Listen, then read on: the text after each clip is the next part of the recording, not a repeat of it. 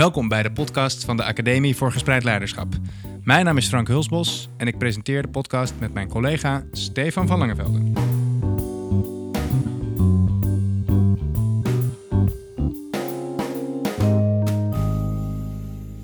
Stefan, Ja. we hebben wat gelezen.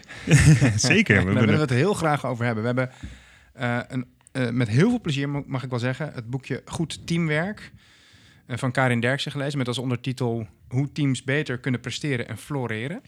Ja. Ehm, ja, Karin heeft eh, een, eh, we kennen haar natuurlijk goed. Ze heeft ook een hoofdstuk geschreven destijds ons in ons boek. Ja. Ze heeft een fantastisch eh, promotieonderzoek gedaan naar teamontwikkelruimte, wat ook weer in dit boek terugkomt. En in dit boek trekt ze het nog wat breder en gaat ze echt kijken naar hoe kunnen eh, ja, teams, en, en, en iedereen hè, is bijna onderdeel van één of soms al vijf, zes teams. Hoe kunnen die teams nou ook tot goed teamwerk eh, komen? En Ja. ze bespreekt daar verschillende voorwaarden voor, eh, die allemaal heel behulpzaam en heel goed eh, leesbaar zijn.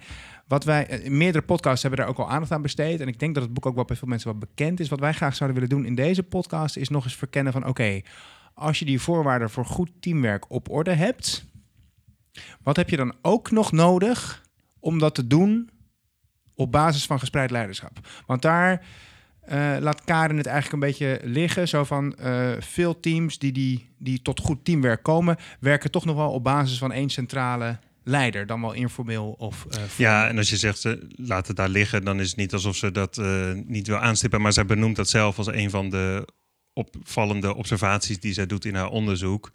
Dat dat eigenlijk nog steeds leidt vaak tot één formele of informele leider. En dat het heel moeilijk lijkt te zijn voor teams. voor teams om dan tot meer spreiding te komen. Dus zij benoemt dat eigenlijk als gewoon nog een van de, de Ja, en ze- vraagstukken. precies. En Ja. ze noemt ook al wat, wat, wat, wat, wat, eh, eh, wat activiteiten die je kunt ondernemen om dat te doorbreken. Maar daar gaan wij graag in deze podcast nog wat verder op in. Ja. Maar voordat we daar komen, eh, is het denk ik goed als we even eh, het, het boek met elkaar doorlopen. Hè? Ja. Wat bedoelt Karen nou eigenlijk met goed teamwerk? Wat zijn dan die voorwaarden voor goed teamwerk? En wat zegt zij dan in haar boek over leiderschap en hoe kunnen we daarop voortbouwen? Dus laten, zullen we daar eens mee beginnen? Ja, lijkt me, lijkt me Wat, wat- want het, het, het boek heet dus inderdaad Goed Teamwerk. Hoe teams beter kunnen presteren en floreren. Wat verstaat Karin onder goed teamwerk? Wat, wat bedoelt ze daarmee? Ja, het lijkt natuurlijk heel erg voor de hand te liggen, maar het is natuurlijk best wel belangrijk om dat wel even te, te definiëren. En eh, zij zoomt eigenlijk in op dat natuurlijk de heel erg voor de hand liggende tot prestaties komen. Eh, als team heb je vaak natuurlijk een afbakening van doelstellingen die je hebt of resultaten die je wil behalen. Dat kan zijn gewoon het reilen en zeilen van, eh, van jouw onderdeel, dat dat op een goede manier gaat en voldoen aan de resultaatafspraken die je binnen een organisatie hebt. Maar het kan ook zijn tot vernieuwing komen. Eh, maar in ieder geval voldoen aan de doelstelling die je met elkaar hebt. En het andere aspect, ik denk wat vaak heel erg ondergesneeuwd is, wat zij zelf ook wel benoemt. En dat is dat, dat voor iedereen die lid is van een team ook op een fijne, prettige manier gaat die wat bijdraagt aan werkplezier. En dat is natuurlijk vaak ook het aspect waar het nog wel eens problematisch kan worden. Ja. Eh, omdat natuurlijk ook in heel veel teams je misschien nog wel tot resultaten weet te komen, maar lang niet iedereen terugkijkt op dat teamproces als prettig. ja, dus goed teamwerk betekent drie dingen. Goed, eh, de resultaten behalen die je zou moeten behalen. Of die je met elkaar hebt, eh, je ten doel hebt gesteld. Dat eh, de teamleden zich daar ook goed over voelen, over dat resultaat. Ja. En dat ze zich ook goed voelen, dat is het derde punt, over de samenwerking die tot dat resultaat heeft geleid. Ja. Dus ik zit me even voor te stellen, we hebben natuurlijk veel aandacht besteed in deze podcastreeks aan school Laterna Magica, hè, waar ze ook in kleine teams, zou kunnen zeggen zelfsturende teams werken. Ehm, je zou kunnen zeggen, die teams die, eh, nou, die hebben iets te doen op het gebied van leerlingresultaten, motivatie van kinderen. eh, en eh, nou, misschien ook wel vernieuwing of verbetering van het onderwijs. Hè. Dat zijn, dat zijn zo'n aantal eh doel-resultaatgebieden waar zij iets op moeten realiseren. Ehm, het is dus belangrijk dat de verschillende docenten, coaches in dat team, nou, achter die resultaten staan en er ook een goed gevoel bij hebben. En dat ze zich ook goed voelen bij hoe dat in samenwerking tot stand is gekomen met hun collega's in het team. Ja, omdat dat doet natuurlijk iets met enerzijds de duurzaamheid van, van de samenwerking. Hè? Dus het houdt het in stand. Natuurlijk, wanneer iedereen zich er prettig bij voelt. Maar eh, ik denk ook, dat het heeft ook een, eh, iets te maken met eh, de toekomst in de zin van... het schept ook een voorwaarde om een volgende keer weer tot goed teamwerk te komen. Zoals zij ook noemt, het kan natuurlijk ook zijn dat je soms wisselt van team. Maar het is eigenlijk ook, zoals wij vaak spreken, je bekwaamt jezelf eigenlijk ook in tot goed teamwerk kunnen Ja. komen. Dus het is niet afhankelijk van de toevallige omstandigheden van eh, we zitten hier met leuke mensen aan tafel en daarom hadden we het leuk en gezellig met elkaar. Maar het is eigenlijk ook het bewust kunnen gaan bijdragen in de toekomst, in de volgende teams waar je terechtkomt, aan ook daar weer eh, tot een goede samenwerking komen. En het is denk ik belangrijk dat ze het hier over goed teamwerk heeft. En ze benoemt het ook heel duidelijk in het boek. Hè? En niet over samenwerking in teams. Mhm. Omdat eh, iedereen zit wel in één of meerdere teams. Maar het is bepaald niet vanzelfsprekend dat lid zijn van een team ook tot goed teamwerk leidt. Nee. Eh, we zien dat natuurlijk ook op heel veel scholen. Hè? eh, teams van 40 mensen soms wel. Dat noemen ze dan een team. Ja. Eh, En zij, maar- maar zij wordt noemt daar- al dat dat dus al geen team is. zeg Ja, laten we het daar inderdaad maar meteen over gaan hebben. Want, wat, want Karen stelt eigenlijk hele duidelijke voorwaarden aan wanneer je kunt spreken van teams. En, wat voor, en in bredere zin wat voorwaarden zijn om tot dat goede teamwerk te komen binnen teams. Zullen we die eens even aflopen? Ze maakt onderscheid tussen een aantal basisvoorwaarden. Ja. Ze, maakt, ze noemt een aantal voorwaarden die gaan over hoe je met elkaar samenwerkt. Ja. En ze noemt een aantal voorwaarden, daarna gaan wij op voortborduren, eh als het gaat om leiderschap. Zou jij die eens af kunnen gaan? Ja, zeker. Ja, dus eh, de- de- die drie die u noemt, om dan te beginnen bij die basisvoorwaarden, daarvan eh, zit- daar, daar vallen er eigenlijk vier onder. De eerste is, er moet een noodzaak zijn voor eh, goed teamwerk. Nou, daar hebben we het net eigenlijk ook al eh, een beetje eh, over gehad. Hè? Dus het moet voor mensen duidelijk zijn, waarom is het belangrijk eigenlijk dat we hier tot goed teamwerk komen met elkaar. Dus het zelf ook zien als een doel. Ik wil ook tot een prettige samenwerking komen. Ja, en ik begrijp dat die, dat eerste, die eerste basisvoorwaarden ook als eh, het doel wat je met elkaar stelt, moet ook wel vragen om samenwerking. Er zijn ook Ja. gewoon doelen waar je samenwerking helemaal niet voor nodig hebt. En daarvan zegt Karin dan ook, ja, begin er dan ook vooral niet aan. Hè? Zeker, Dus ja. eh, als je het gewoon prima in je eentje kunt, Ja. eh, ga dan ook niet ingewikkeld doen met teams en met samenwerking. Ja. Tenminste, zo begreep ik dat een beetje. Ja, nee, inderdaad. En, dan kom je ook uit bij de tweede, en dat is eh, teamomvang. En zij is daar gewoon heel scherp in. Eh, ze zegt, heel veel onderzoek laat duidelijk merken dat, dat een te grote groep mensen, die kunnen gewoon maar moeilijk tot goed teamwerk komen. Dus zij zegt echt, meer dan tien, dan moet je het, meer dan tien, moet je het geen team noemen. Dan is het gewoon geen team. Dan is het gewoon Nee, geen dan team. kun je het eigenlijk niet meer samen doen. Ja, en dan een oplossing die ze geeft is kijken naar, kun je het bijvoorbeeld gaan opknippen? Ja. Dus dat je zegt... eh, Sterker nog, ze zegt zelfs tien is al Ja, is ik, ik weet niet of ik het in het boek heb gelezen of dat ik het haar heb horen zeggen in een andere podcast. In ieder geval, ze zegt team, tien is vaak echt al lastig. Maar dat kan nog net. Maar Ja. ideaal is eerder zes. Ja. Zo rond de zes mensen. Ja. En ik, dat, dat, als ik mezelf ook zo even... Als ik kijk naar wat ik zelf eh, heb meegemaakt in teams... of als ik zie wat ik zie gebeuren in veel eh, scholen... Hè, dan kan ik me dat aantal heel goed voorstellen inderdaad. Met zes heb je echt nog wel een grote diversiteit aan talenten... en is het, hè, is het, heb je veel aan tafel, zal ik maar zeggen. Van expertisegebieden, mogelijke talenten, wat mensen allemaal inbrengen. En tegelijkertijd heb je nog wel echt de mogelijkheid om met elkaar in gesprek te zijn en samen iets te bouwen. Wat met tien al echt een heel stuk lastiger wordt. Laat staan met 15, 20. Ja, nou, en dat is ook, een, dat is ook direct een mooi raakvlak met het derde punt van het basisvoorwaarden. en dat is onderlinge afhankelijkheid. Als je met, hè, dus het belang dat je echt afhankelijk bent van jouw teamlid om te komen tot dat resultaat. Dus het is helder wat ieders inbreng is in deze samenwerking. En elk ieders onderdeel is. En dat kan zijn op, natuurlijk op basis van bepaalde kwaliteiten of expertise.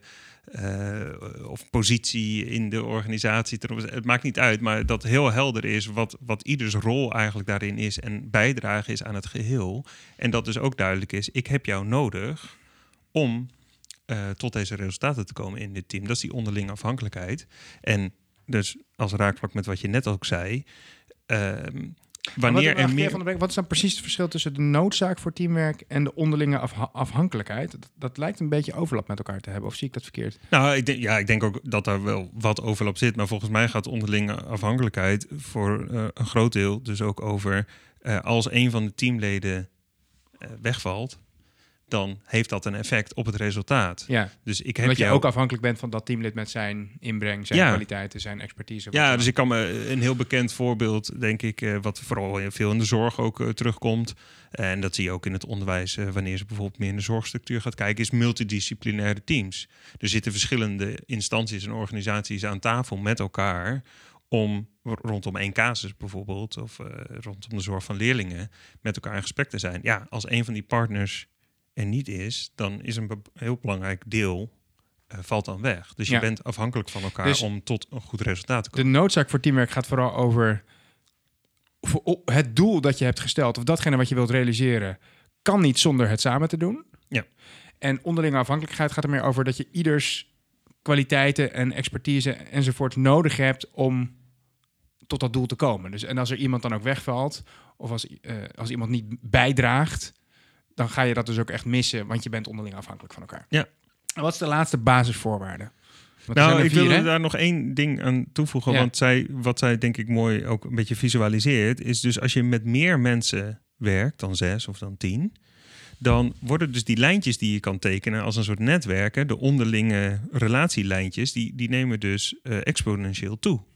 Dus bij elk toegevoegd teamlid ontstaan er weer veel meer interactielijnen. De- en dat is een van de argumenten die ze aandraagt waarom het zo belangrijk is om een niet al te grote groep te hebben. Omdat al die onderlinge afhankelijkheden en relaties neemt zo toe. Dat is niet meer En die overzien. onderhouden worden. En dat is Die op een gegeven moment niet meer te overzien. Ja, Ja. en En je zou kunnen zeggen, maar dan, we dan eh, eh, hoe zeg je dat? Dan eh, eh, sorteren we al een beetje voor waar we zo meteen over willen hebben. Dan wordt dus ook misschien de roep om een centrale leider wel groter, naarmate dat team groter wordt. ja, Eén iemand die het allemaal probeert, hè, ogenschijnlijk dan probeert te overzien, aanstuurt, onderhoudt enzovoorts. Die roep zou wel eens groter kunnen worden naarmate dat team ook zeker. Oh, eh, uit meer leden gaat als bestaan. een spin in het web waar alle lijntjes samenkomen. Ja. Ja. Goed. eh, En de laatste, ja, de laatste die is, is, is eh, het hebben van een gedeeld doel, een gedeelde opgave. Nou, die ligt heel voor de hand. En ja, we denk ik net ook al in, in verschillende vormen een beetje gezegd. Maar het, is, het moet natuurlijk heel duidelijk zijn waar, waar, waar je voor bent. Want soms, en dat ligt zo voor de hand. En tegelijkertijd is, dat concludeert hij ook, het heel vaak zie je het toch ook niet helemaal terug in de praktijk. Ik was laatst nog op een school waar, waar er een werkgroep samengesteld was rondom het vergroten van eigenaarschap van leerlingen. Waarvan de docenten die in de werkgroep zaten zelf zeiden: Ja, ja, ik ben in deze werkgroep gezet door de schoolleiding. Ik, ik weet zelf eigenlijk ook niet precies wat ik hier doe. Of Ja, nou waarom we dit belangrijk vinden. Niet dat ze het thema totaal niet onderschrijven, maar eh, daar merkt je gewoon, zij zijn als team, en in dit geval een werkgroep, zijn zij omgedoopt tot team. Maar ze voelen nog, ze hebben zelf niet heel erg een relatie, zeg maar, direct met dat gedeelde doel. En dat Ja. is natuurlijk wel belangrijk, dat elk teamlid weet en op de hoogte is van, dit is waarvoor wij een team zijn. Nou, dus in de basis wat er nodig is, eh, noodzaak voor goed teamwerk. Dus datgene wat je moet doen, moet ook wel echt vragen om teamwerk. Je moet eh, goed nadenken over de teamomvang en niet meer dan tien, liefst eigenlijk zes, is een soort ideaal aantal teamleden. Eh, er moet een duidelijk gedeeld doel of een gedeelde opgave zijn waar mensen zich ook achter scharen. En je hebt elkaar ook onderling echt nodig. Je moet onderling afhankelijk zijn van elkaar om dat doel te realiseren. Eh, de, de tweede set aan voorwaarden voor goed teamwerk die Karen onderscheidt, gaan over samenwerking. Dus hoe werk je nou eigenlijk met elkaar samen binnen een team om tot goed teamwerk te komen? Welke voorwaarden horen daarbij? Ja, en ik denk dat die een beetje. Dus het gaat vooral over een soort cultuur die je creëert met elkaar. Ehm, en dat gaat over bijvoorbeeld veiligheid creëren. Dat is natuurlijk ook veel gehoord. Maar dit gaat dus over eh, het onderhouden van de relaties met elkaar. eh, in staat kunnen zijn om ook op moeilijke momenten. eh, ze, noemt ook dingen als constructief conflict. Hè, om kunnen gaan wanneer het juist even wrijft. Dus dat zijn eigenlijk een soort kwaliteiten of vaardigheden om ook in spannende situaties met elkaar samen te blijven werken. En niet tegenover elkaar te gaan staan. Ehm, ja, dat vraagt natuurlijk gewoon om goede relaties, onderhoud van de relaties. Ja. Eh, een volgende is diversiteit benutten. Ehm, nou, daar hebben wij het natuurlijk ook heel vaak over. Maar er zijn natuurlijk een hele eh, set aan kwaliteiten, expertises... die allemaal een bijdrage leveren aan het doel. En die wil je dus ook allemaal maximaal gebruik van maken. In het Ja. voorbeeld van net. En dat gaat dan volgens mij, als ik het, want de volgende is dan teamontwikkelruimte, die ze daarna noemt. Hè? En volgens mij, bij, maar bij, daar kunnen we het zo even over hebben, maar bij diversiteit benutten gaat het volgens mij vooral ook inderdaad om het benutten van diverse expertisegebieden, Expertise. kwaliteiten, Ja. echt zeg maar thematische expertise of kwaliteiten die je in te brengen hebt. Ja, ik kan me eh, in een voorbeeld... ik heb we- verstand van. Ja, als we net zeggen multidisciplinaire teams en, en je zet eh, iemand aan tafel die heeft meer juridische kennis, de andere Ja. die heeft meer personeelszakenkennis en de volgende die heeft meer kennis over, over, eh, over eh, de, de, de, de, de, problematiek of zo die er heerst onder jongeren. Nou, zo'n multidisciplinair team, die brengen die perspectieven allemaal in. Dat zijn allemaal expertisen. Ja. En de volgende die jij noemde, dat gaat dus over eh, eh, teamontwikkelruimte creëren. Dat is eigenlijk meer een procesvaardigheid.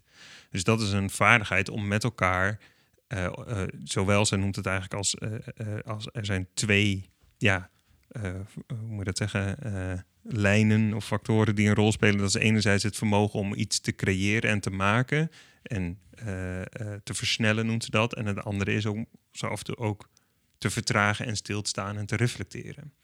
En ze noemt daar dan, dat is haar bekende model, waar ze ook op gepromoveerd is, teamontwikkelruimte, er zitten dan vier facetten in. Dus je moet kunnen toekomst kunnen creëren, een aantrekkelijke toekomstbeeld kunnen schetsen. Je moet kunnen organiseren, het hier en nu, zorgen dat je stappen blijft zetten. Dat zijn dus de meer versnellende activiteiten. Dus het doorpakken, snelheid eh, brengen, uh, knopen doorhakken. Ja, je moet kunnen reflecteren, dus even stil kunnen staan. Wat hebben we eigenlijk bereikt? Uh, evalueren daarin ook.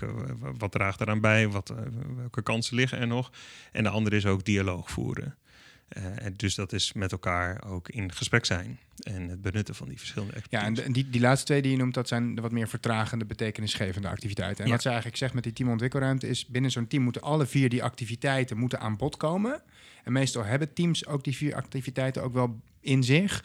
Alleen vaak worden ze toch niet alle vier benut, omdat die meer versnellende activiteiten van organiseren en toekomst creëren de overhand krijgen. De mensen die dat goed kunnen, krijgen vaak ook de overhand binnen een team. Ja, en ze noemt het ook, hè, de spanning tussen die, die twee, dat versnellen en vertragen, dat noemt ze dus een paradox. En een goed teamwerk is wanneer dus een team in staat is om daar een, ja, een soort balans in te vinden. Dus beide zijn belangrijk. Uh, want je moet zowel gericht zijn op je resultaat, als natuurlijk ook gericht zijn op de reflectie op wat gaat ons nog weer verder helpen. Dus het is het zoeken naar de balans. En dat is een ja, constante zoektocht, zeg maar. En de laatste, uh, die gaat over uh, het teamproces verbeteren, ofwel team leren. En dat is eigenlijk een algehele gerichtheid op het elke keer weer een beetje beter willen doen. Dus dat is informatie verzamelen over hoe doen we dat, feedback organiseren van bijvoorbeeld de, de doelgroep uh, waarvoor je het doet. Uh, met elkaar dus in gesprek zijn om uh, na te gaan hoe doen wij het hier met elkaar. Dus in het alge algemeen bezig zijn dus ook met hoe doen wij, hoe werken wij samen, hoe staat iedereen erin? Als je deze vier factoren zo op een rijtje ziet, hè, dan mhm. zou je bijna denken in eerste instantie misschien, oh, als je dit voor elkaar hebt, dus als je diversiteit benut, als je teamontwikkelruimte creëert en als je een teamproces verbetert, dan heb je dan niet al gewoon gespreid leiderschap. Ja. Maar dat is dus eigenlijk niet het geval, hè, want uh, het benutten van diversiteit kan je nog steeds heel erg aanjagen als formele centrale leider. Hè? Dus bij wijze van spreken mensen de, dat, de uitnodiging of het geven van opdrachten voor mensen om hun kwaliteit in te zetten, die altijd bij jou vandaan komt. Uh, team ontwikkelruimte creëren, dat kan ook heel, dat, dat kan je als leidinggevende wel heel goed voor elkaar hebben, maar dan kan het nog steeds sterk afhankelijk zijn van jou of die teamontwikkelruimte ontstaat. Bijvoorbeeld doordat je heel coachend bent of heel uitnodigend of heel waarderend. En hetzelfde gaat ook weer voor het teamproces verbeteren. Dat kun je echt inderdaad als een gezamenlijke verantwoordelijkheid hebben belegd binnen je team. Dan zou het inderdaad heel erg lijken op gespreid leiderschap. Maar ook dat kan heel erg de exclusieve verantwoordelijkheid zijn of worden van een leider. Formele of informele. Dus hoewel het allemaal hele belangrijke voorwaarden zijn voor een goede samenwerking, voor goed teamwerk, kan het nog steeds sterk afhankelijk zijn van een formele leider. En dan komen we ook op dat punt hè, van leiderschap. De, de, de, de derde categorie van voorwaarden die zij stelt. En uh, um, wat zij dus ook eigenlijk zegt, is dat zij in haar promotieonderzoek bij alle teams bijna die ze heeft onderzocht, zag dat er één leider, formeel of informeel, het team aanvoerde. Ja. Er was slechts één team, schrijft ze in haar boek, die dat graag anders wilde doen. Die, die het juist nog wat meer wilde verdelen. Maar dat lukte ze eigenlijk niet zo goed. Ja. dus dat is op zich wel een interessante uh, ja, conclusie. Hè? Dat, dat je al deze voorwaarden die we net noemden voor elkaar kunt hebben. En dat het ook kan leiden tot goed teamwerk, goede resultaten, tevredenheid over die resultaten en tevredenheid over het proces. Maar dat het toch nog inderdaad kan gebeuren binnen een hiërarchische leiderschapspraktijk. Ja, en dan zou je dus kunnen zeggen. Is dat een probleem? Prima. ja, precies. maar wat vind jij daarvan? Vind je, ik, bij mij gaat dat toch een beetje kriebelen. Ik denk van, is dat nou wel duurzaam? Ja, nou, ik denk dat daar, daar een punt zit. Dus uh, Karin doet hier niet per se een uitspraak over. Dus die constateert dit. Ehm, en, maar, die, maar ik denk dat als wij het inderdaad in het kader van gespreid leiderschap trekken, dat je in ieder geval al het vraagstuk hebt van uh, als, het, uh, als we dit meer gaan zien als een soort lijstje van voorwaarden waar de teamleider of de andere type leider verantwoordelijk voor is, hè, dan wordt dit eigenlijk een soort van uh, dan het lijstje van kwaliteitskenmerken waar die persoon op moet investeren. Dan is het van die persoon. Dus dan kom je een beetje uit op de zeg maar coachende, transformationele, waarderende leider. Die dus goed kan luisteren, goed dialoog kan voeren. In de terminologie van Karin, goed in staat is om mensen in hun kracht te zetten. Om maar Ja. even die term te gebruiken die je vaak hoort. Ik, als ik dat zou, iets zou moeten concretiseren, zou ik denken aan een leider die heel goed weet wat iedereen binnen dat team kan. En daar ook mensen heel actief op uitnodigt. Zo van, ik ben echt nieuwsgierig hoe jij dit zou aanpakken. Hoe jij hier naar kijkt. En Stefan, hoe zie jij dat dan? En dus dat, dan kom je uit op dat type leider... die dus heel goed in staat zou kunnen zijn... om al die voorwaarden, basisvoorwaarden, samenwerkingsvoorwaarden... en ook dat leiderschap wat erbij hoort... Ja. kan vertegenwoordigen. En precies en dat. daarmee dus goed teamwerk kan realiseren. ja, en kan dat- ondersteunen. Ja, en precies wat je zegt, is zit dus de kwetsbaarheid. Die persoon is dus in staat om dat te doen. Terwijl je, denk ik, voor duurzaamheid en naar de toekomst kijkend, wil je dat iedereen in staat is Ja. om dit te doen. Dus die in, sta die, die in staat is om veiligheid te creëren. Maar dat is natuurlijk ook boeiend. Zo'n punt als veiligheid creëren, dat leggen we dus heel vaak bij bijvoorbeeld dan in scholen, bij de schoolleiding. Dus de veiligheid in het team of in de afdeling, in de organisatie. Die, de- wanneer er onveiligheid is, dan moet de formele leiding moet daar dan op inzetten. Terwijl veiligheid creëer je met elkaar. Ja, tenminste, wij, wij, wij- wij- ik denk dat, dat, dat wij nu in ieder geval als, eh, als, als, als uitgangspunt kiezen dat die voorwaarden voor goed teamwerk uitstekende aanknopingspunten zijn om binnen zo'n team eh, na te denken over hoe kun je dit samen goed doen. Maar dat, daar, dat het daar bovenop waarschijnlijk de moeite waard is om na te denken, oké, hoe kunnen we daarbovenop ook nog werken aan gespreid leiderschap? Dus Ja. hoe kunnen we goed, goed teamwerk is stap 1, super belangrijk. En daarbovenop, als we dat ook op, een- op de lange termijn duurzaam willen borgen, om het maar even zo te zeggen, wat, hoe, kunnen we dan, hoe kunnen we dat op een gespreide manier doen en wat is daarvoor nodig? Ja. Overigens zegt Karin daar zelf ook over in het, haar hoofdstuk over leiderschap. Met name als dat team eh, hele complexe taken te doen heeft, moet je dat eigenlijk wel op een gespreide, op een manier van gespreid leiderschap doen. En werkt ook die hiërarchische praktijk op termijn niet goed. Dus zij geeft zelf eigenlijk ook al een aantal eh, een aanzet eigenlijk om, om dat mogelijk te maken. En ook een reden om dat mogelijk te maken, om dat te doen. Ja. Laten we daar eens op voortbouwen. Ik zat zelf te denken aan een aantal dingen die je nog meer nodig hebt. Bovenop deze voorwaarden die we al hebben besproken. Ik- om te beginnen, wat volgens mij heel belangrijk is, is eh, dat je nadenkt over ieders individuele leiderschapsidentiteit. Dus hoe kijkt ieder teamlid eigenlijk naar zichzelf? Ja. Ziet ieder teamlid zichzelf als leider of als volger? Een prachtig artikel uit 2010, wat, wat mij betreft echt een baanbrekend artikel van Ashford en DeRue. Hè? Wat, nou, wij kennen dat heel goed, maar dat gaat echt over de ontwikkeling van leiderschapsidentiteiten bij mensen. En dat eh, mensen die vanuit hun opvoeding of vanuit eerdere ervaringen in het werk een, een, een opvatting over zichzelf meedragen van ik ben eigenlijk altijd volger, dat dat mensen zijn die heel moeilijk in teams komen tot het nemen van invloed of het nemen van initiatief en het uitoefenen van invloed. Ja. Ehm, en dat het dus heel belangrijk is om daaraan te werken en mensen ervaringen te geven eh, met eh, invloedrijke posities. En dat het ook de moeite waard is dat hun invloed ingezet wordt en dat ze ertoe doen.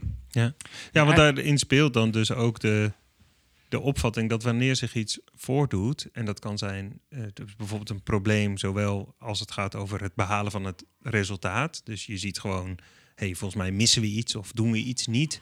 Of vergeten we iets, zien we iets over het hoofd. Maar het kan ook zijn op proces van, hey, volgens mij zit iedereen hier er niet lekker in. Of niet iedereen zit er hier lekker in. Dat je dus je dan in staat voelt om dat bespreekbaar te maken, bijvoorbeeld. Ja, en dat je ook denkt dat jij eh, eh, dat, dat je het ook ziet als iets wat jij ook Ja, kunt doen. dat dat onderdeel dat is het van onderdeel is jou. van hoe je naar jezelf kijkt. Ja. En volgens mij kom je dan uit op een soort attitude bij iedereen van... ik heb geen behoefte om de baas te spelen... maar ik heb ook geen behoefte aan een baas boven mij. Dus dat, je, dat dat bij wijze van spreken een beetje je uitgangspunt is. Ehm, je, attitude, je houding binnen, binnen die samenwerking. Nou, in ieder geval dus inderdaad van... ik heb geen behoefte aan een baas boven mij. Dat is een soort emancipatiegedachte. Nou, dat is natuurlijk eh, fijn. Tenminste, ik sta dat ook wel voor. Maar ik denk ook dat je, dat je, dat je dus niet die... Ja, enerzijds, ja, vind toch wel een verantwoordelijkheid. Dus wil afschuiven aan iemand anders... die je dan hiërarchisch gezien boven de rest zou staan. Dus, Precies. dat, dus dat je die verantwoordelijkheid er wil beleggen bij een ander. Ja, dat bedoel ik er eigenlijk mee. Ja. Ik zeg het misschien wat cru, maar dat is precies wat ik bedoel. Dus dat je ervan uitgaat van ik ben ook leider. Ja. Ik had laatst trouwens nog een hele discussie daarover met mensen tijdens een workshop. Van dat, dat, dat, dat idee van dat iedereen eigenlijk leider kan zijn op een bepaald thema. Dat roept bij heel veel mensen het idee op van dat, is, dat kan niet. Hè? Dus, dus Ja. er zijn gewoon leiders en er zijn mensen die volgen. Maar wij proberen dat natuurlijk altijd juist te bepleiten en juist te verbreden. Van iedereen heeft eigenlijk een vorm van leiderschap in zich. Het is alleen de kunst om te vinden waarop je dat wil doen en om jezelf ook zo te zien. En, daar, en op basis van hoe je naar jezelf kijkt, dan ook het vermogen en de ruimte, het vermogen ontwikkelen en de ruimte vinden om die invloed uit te oefenen. Nou, in ieder geval, dat is eigenlijk, denk ik, punt 1. Dus dat je binnen die teams, waar de voorwaarden voor goed teamwerk op orde zijn, ook goed kijkt naar wat is ieders eigen leiderschapsidentiteit. Hoe kijkt hij naar zichzelf en hoe kunnen we daar eventueel, als iemand zich ziet als volger, hoe kunnen we dat ook ja, veranderen? Ja. Uh, um, een tweede belangrijk punt, denk ik, uh, is, uh, tenminste dat vond ik een hele interessante gedachte, ik ben benieuwd jij dat ziet, dat een team ook moet werken aan goed volgerschap. Mm -hmm. um, en dat volgerschap niet alleen maar betekent dat je het leiderschap van een ander ondergaat, en dat je doet wat een ander zegt. En dat je er verder niet. Of dat je bijvoorbeeld zegt: Nou, Stefan, doe jij het maar en dan hoor ik het wel. Maar dat volgerschap gebaseerd is op nieuwsgierigheid, op vertrouwen in een ander, uh, op ook de tolerantie voor een andere manier van werken. Dus dat je het ook accepteert en dat je het zelfs aanmoedigt dat iemand het op een andere manier doet dan jij het zou doen. En dat je vanuit die tolerantie uh, niet de neiging hebt om een initiatief over te nemen uh, en je er te veel mee te bemoeien. Ja. Dus volgerschap gebaseerd op uh, ja, uh, eigenlijk actief het, het, leiderschap van een ander uh, aanmoedigen en mogelijk maken.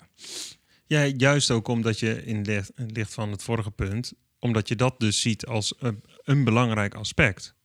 Hè, dus van ik, want, want dat is de manier om ervoor te zorgen dat er niemand de baas gaat spelen. Of om dat ook de leiderschapsidentiteit van anderen te ontwikkelen door ze actief een leidende rol toe te kennen, uh, geef je iemand ook de gelegenheid ja. om zich te ontwikkelen als leider ja. in dat geval. Precies, en heb je zelf, zelf als volger ook nog steeds een actieve rol in het mogelijk maken daarvan, zonder dat je het overneemt en zonder dat je het weer naar jezelf toetrekt. Ja, of zonder ook dus dat je uh, overgeleverd bent. Precies. Want dat, dat is natuurlijk ook vaak het beeld wat heel erg bij volgers, hè, dat dat een soort uh, willoze, uh, ja. volgzame, ik, ik, ik, ik doe vertel, er niet meer toe. Ja, vertel maar gewoon maar wat ik moet doen. Ja, zijn, vaak wordt volgens mij ingevuld als vertel mij maar wat ik moet doen, of ik hoor wel wanneer het klaar is. Ja. He, zo van, doe jij het maar en dan hoef ik me er verder niet meer uh, mee bezig te houden. En ik hoor wel als je project af is en dan kijk ik wel wat ik ervan vind. Dat, is eigenlijk, dat zijn eigenlijk de twee manieren van volgerschap die wij niet bedoelen. Ja. Wij bedoelen inderdaad een beetje die fijne balans tussen uh, actief ondersteunen, nieuwsgierig zijn, mogelijk maken, maar niet overnemen. Uh, en, hè, en dat op een of andere manier goed invullen met elkaar, dus nadenken over goed volgerschap, dat zou ik zien als een tweede voorwaarde bovenop nou ja, die En in dat niet overnemen, daar zit dus ook het stuk in dat op het moment dat het, dat het even niet goed gaat, of dat je vragen erbij hebt, of merkt dat je niet helemaal aangehaakt mee bent, of het niet helemaal eens ermee bent, dat je dat dus dan niet gaat zien als een gelegenheid om je vuist op tafel te slaan en te denken, nou zie je, deze persoon die kan het niet.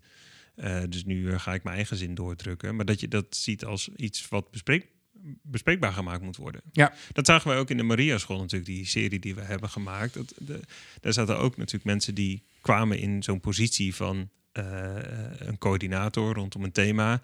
En merkte in één keer van, oh jeetje, dit vind ik ook wel spannend. Want nu ben ik hier in één keer van. En nu moet ik in een hele hoop. En het hielp ze enorm wanneer ze merkte van, oh nee, maar wacht, maar mijn team is nog steeds hartstikke actief betrokken en gunt mij dit. Ja.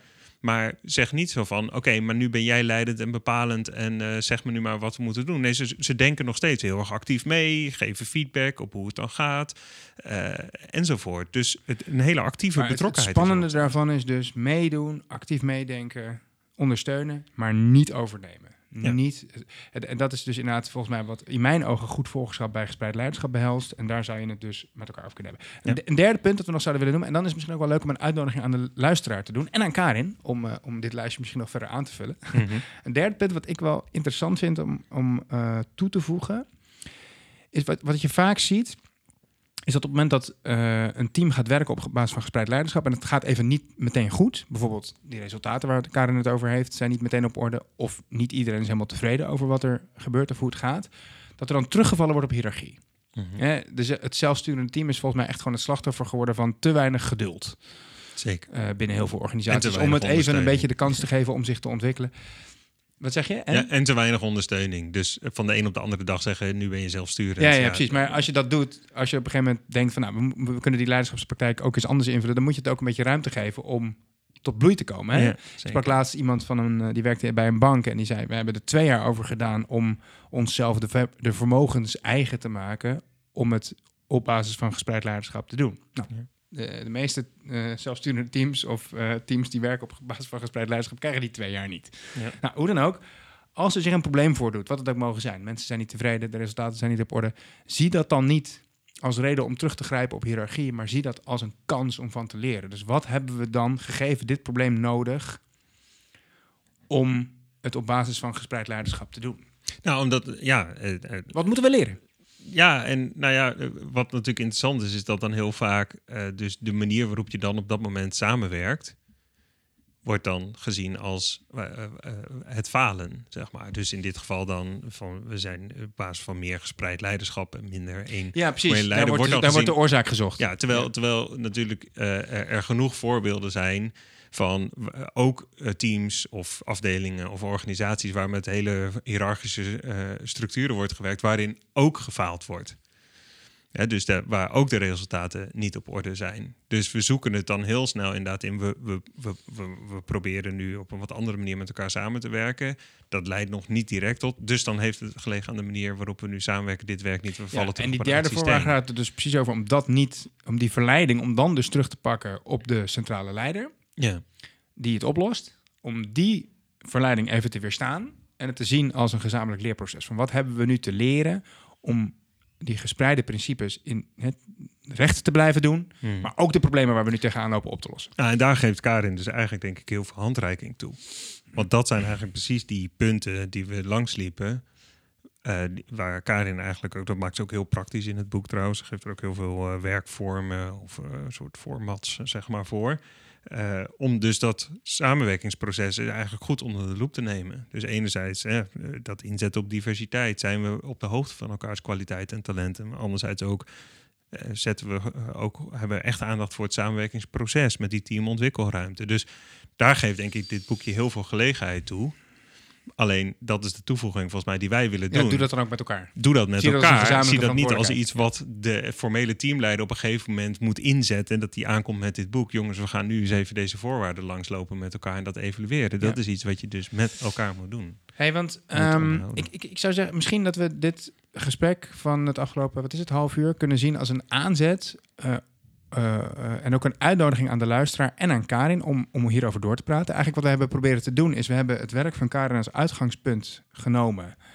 eh, als voorwaarde voor goed teamwerk, wat zij ook uitstekend uitlegt in het boek. En we hebben geprobeerd om daar een aantal voorwaarden aan toe te voegen, die binnen die teams ook zouden kunnen leiden tot gespreid leiderschap. Ja. Omdat we denken dat dat belangrijk is. Hè? Ja. Dat we denken dat het belangrijk is om op, om op lange termijn duurzaam te kunnen blijven werken aan goed teamwerk, waarbij mensen betrokken zijn, waarbij mensen zich gemotiveerd voelen, is het denk, denken wij ook belangrijk om een aantal van die voorwaarden voor gespreid leiderschap ook toe te voegen. We hebben er drie genoemd. Hè? Eh, werk aan je leiderschapsidentiteit als eh, individueel teamlid. En heb het daar ook met elkaar over. Hè, vanuit het idee, je, je, je zou er eigenlijk allemaal in moeten staan met de gedachte van... niemand, eh, ik wil niet de baas zijn en niemand eh, zou de baas over mij moeten zijn. Ehm, denk na over goed volgerschap en wat dat precies behelst. En zoek daarbij de, de, de, de, de, de, fijne balans eh, van meedoen, aanmoedigen, maar niet overnemen van het initiatief van een ander. Eh, en gebruik problemen in je teamproces om van te leren en niet om terug te vallen op een, eh, op een centrale leider. Nou, dat, dat, zijn in ieder geval, dat is de eerste aanzet van drie voorwaarden die wij doen. En we zijn heel nieuwsgierig of de luisteraar eh, en in het bijzonder Karin daar ook nog ideeën, specifieke aanvullende ideeën over heeft. Dus bij deze doen we die uitnodiging, Ja, zou ik leuk. zeggen. Zeker. Ehm, eh, en ja, zetten we dat gesprek graag ook buiten de podcast voort. Ja, zeker. Nou, Hey, eh, wil jij afkondigen? ja hoor, dat wil ik eens doen. Nou, het is denk ik ook eh, leuk, denk ik, om er nog even bij te vermelden dat we dit nu ook weer vaker willen gaan doen. Heel vaak hebben we natuurlijk ook gasten in de podcast. Dat blijven we ook doen. Eh, maar eh, ja, we merkten toch ook wel dat we echt wel een lijstje boeken hebben waarvan we dachten, hey, dat is toch ook wel echt interessant om dat te bespreken. En dan vinden we het ook leuk om die combinatie te maken. Dus enerzijds het boek bespreken, maar anderzijds toch ook vooral, Kijken, hoe kunnen we daar vanuit gespreid leiderschap naar kijken? ja, wat leert ons daarover of welke aanvulling of andere invalshoek. En dit boek stond absoluut op één, hè? want ja, het is gewoon zeer prettig te lezen. Het is heel herkenbaar vaak. Je kan, je, je hebt er ook, je kan er ook echt concreet iets mee. Dit is, Uh, al, ja, al die voorwaarden die Karen noemt, dat zijn, dat zijn concrete handvatten om binnen jouw team verbetering aan te brengen. Dus uh, zeer plezierig om te lezen en heel leuk om er ook een beetje op uh, door te denken. Ja, zeker. Ja, nou dan hopen we in ieder geval dat, dat de luisteraar het ook interessant vond. En mocht je dat ook dus ook echt vinden, dan wil je ons misschien ook wel een uh, rating of review achterlaten in, in de podcast-app. We zijn ook te bereiken via contact.gespreidleiderschap.nl. Dus laat ook vooral weten wanneer je nog wat van die voorwaarden toe wil voegen.